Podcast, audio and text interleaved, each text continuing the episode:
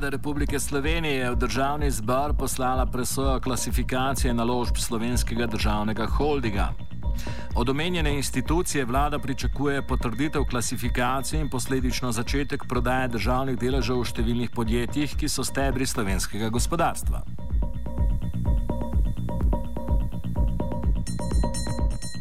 V opozicijski stranki socialnih demokratov so klasifikacijo označili kot vele izdajo. Menijo, da so gospodarske družbe kot so Luka Koper, Aerodrom Ljubljana, Telekom Slovenije in druge geostrateško pomembne za Slovenijo in kot take izjemnega pomena za suverenost države.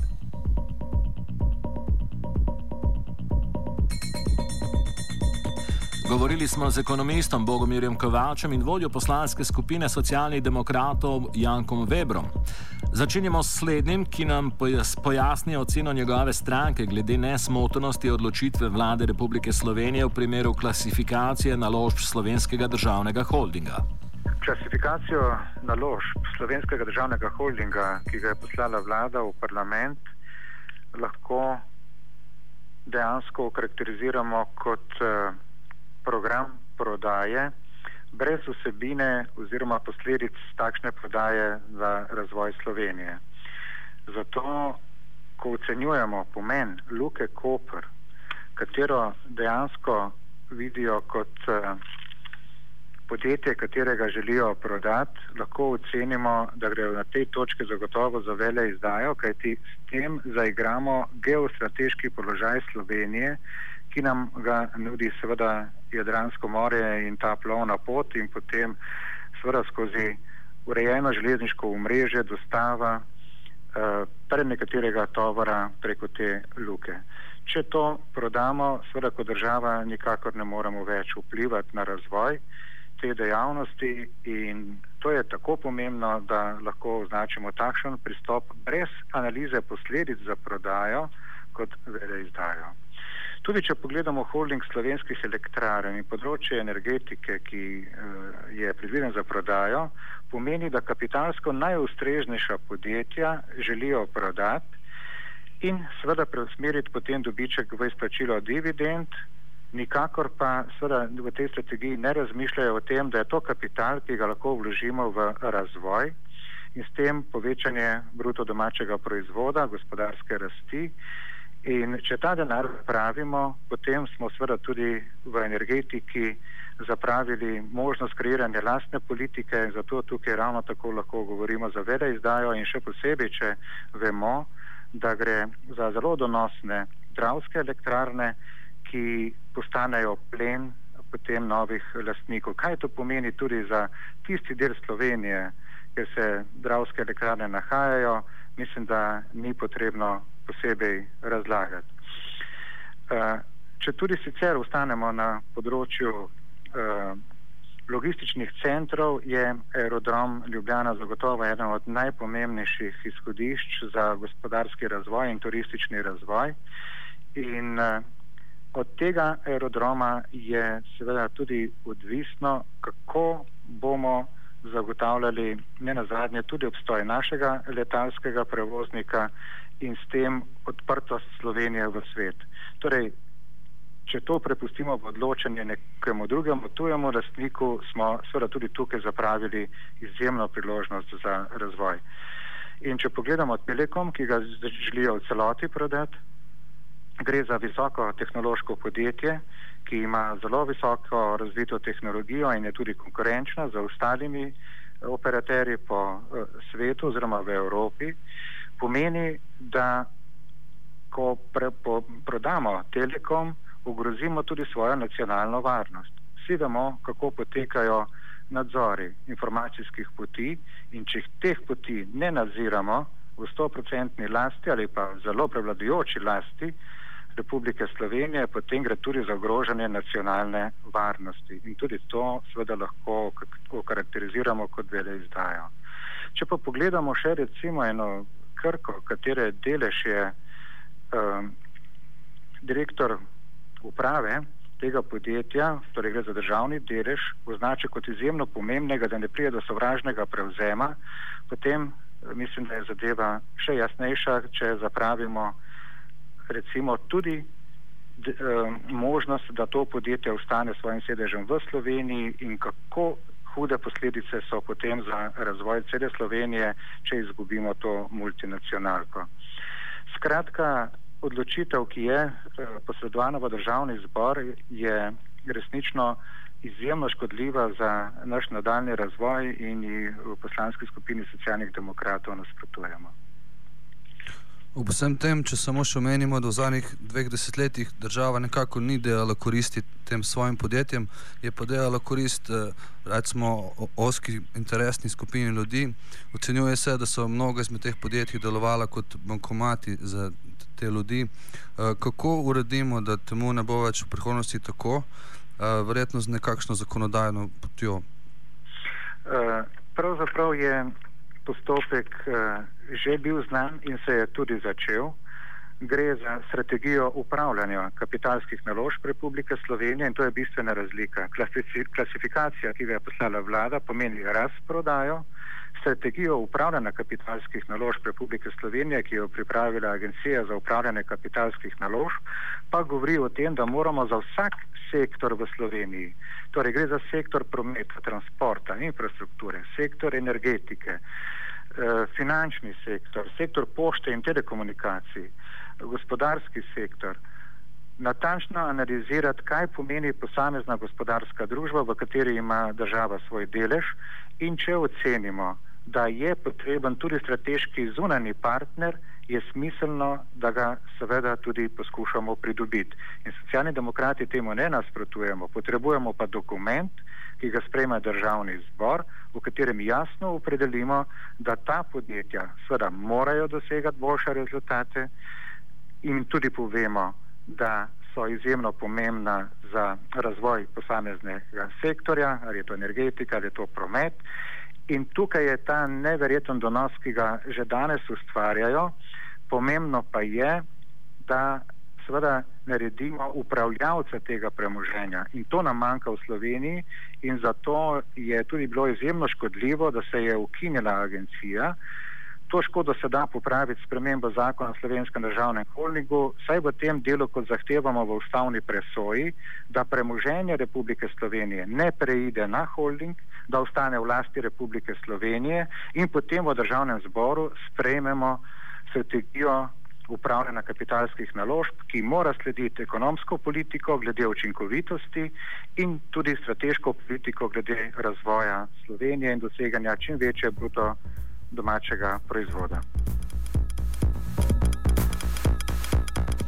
O državnem holdingu in problematiki, ki se vzpostavlja, pove več Bogomir Kovač iz Ljubljanske ekonomske fakultete. No, zdaj, problem uh, s tem državnim holdingom uh, je, kot veste, na samem začetku, uh, zdaj ali bo ta institucija sploh lahko normalno upeta v naš institucionalni sistem, glede na to, da poteka kar nekaj sporov. V zvezi s tem gre predvsem za načine, zlasti potem Eh, prenosov eh, sredstev eh, na proračun, torej kako bi država pravzaprav sploh lahko od tega holdinga pridobivala določena sredstva za pokrivanje seveda določenih proračunskih zahtev.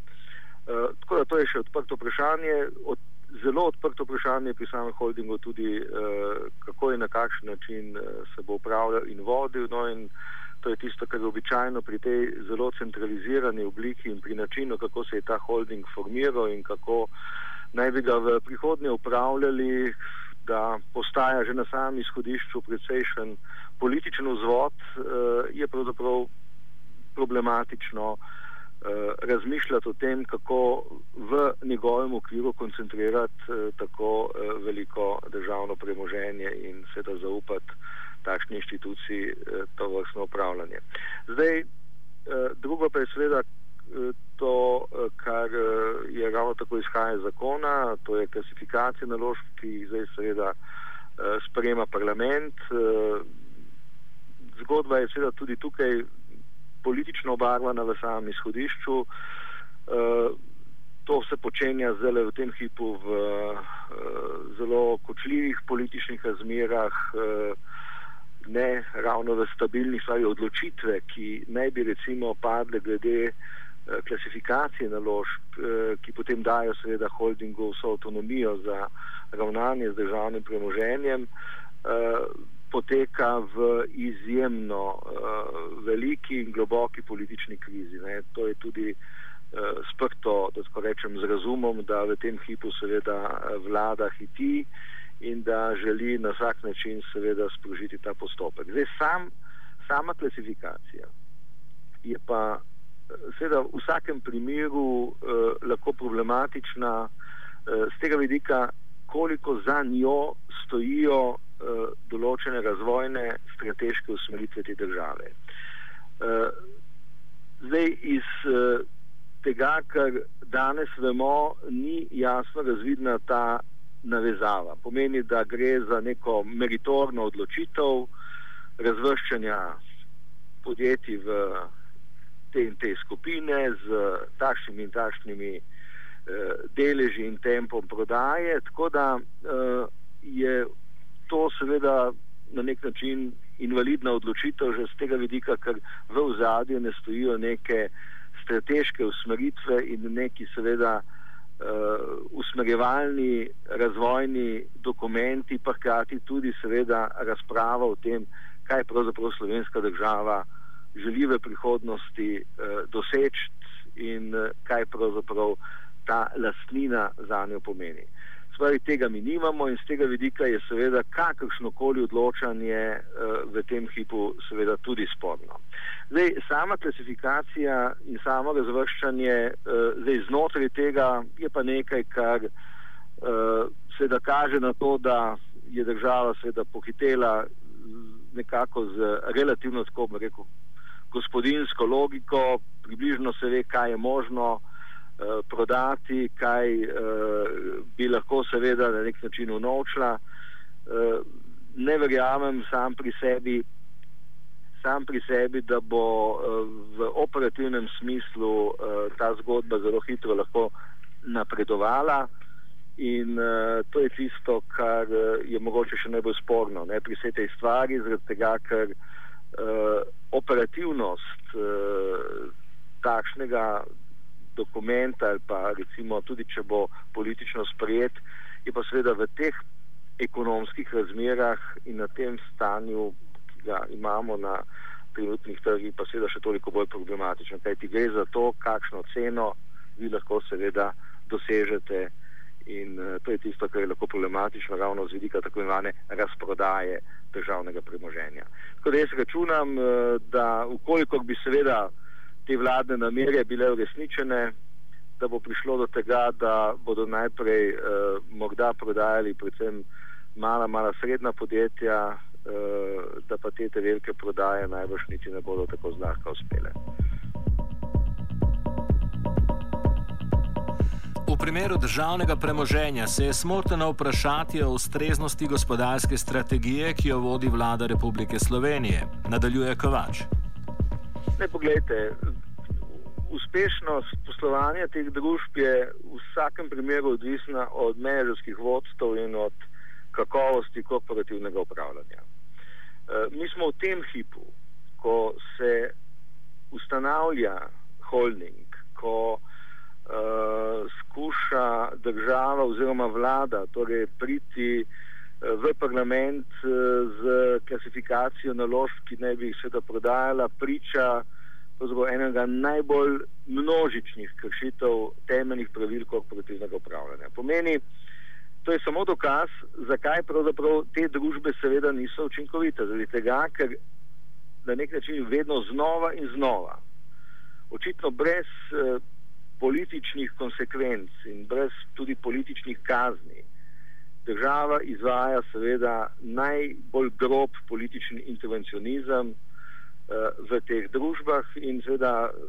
z slabim vodenjem, z katastrofalnim upravljanjem poslovna uspešnost seveda ne more biti zagotovljena. No in uh, tisto, kar bi seveda mi morali uh, doseči in to velja tudi za vse tiste družbe, ki bodo ostale, tudi po mnenju sedanje vlade v državni lasti, da izboljšamo kakovost korporativnega upravljanja in medijskega vodenja v podjetjih z večinskim državnim lastništvom, z delnim in tako dalje. In tako dalje. Trenutno vlada demonstrira pravzaprav z svojimi zelo konkretnimi ukrepi, z nasilnimi menjavami, ki so zunaj ne samo temeljnih eh, pravil igre, ampak eh, tudi na robu ali pa preko pravzaprav eh, tudi same zakonodaje, prakso, ki govori ravno v prid pravzaprav temu, da je država v vseh teh letih delala slabo in da tudi zdaj v okviru holdinga, ki izrazito koncentrira moč odločanja, želi najbrž početi podobno. In z tega vidika je preprosto cel ta projekt eh, z državnim holdingom pri takšnem načinu eh, pristopa in eh, tudi političnega intervencionizma pravzaprav katastrofalen. In z tega vidika sam tudi vedno nasprotujem visokim tveganjem, ki jih ta koncentracija in centralizacija moči v samem holdingu eni in z tega vidika se da to jasno največji možni problem, ki smo si ga nakopali na glavo. Bolj kot sama klasifikacija in to takšno ali drugačno razvrščanje podjetij v eno, drugo ali tretjo skupino.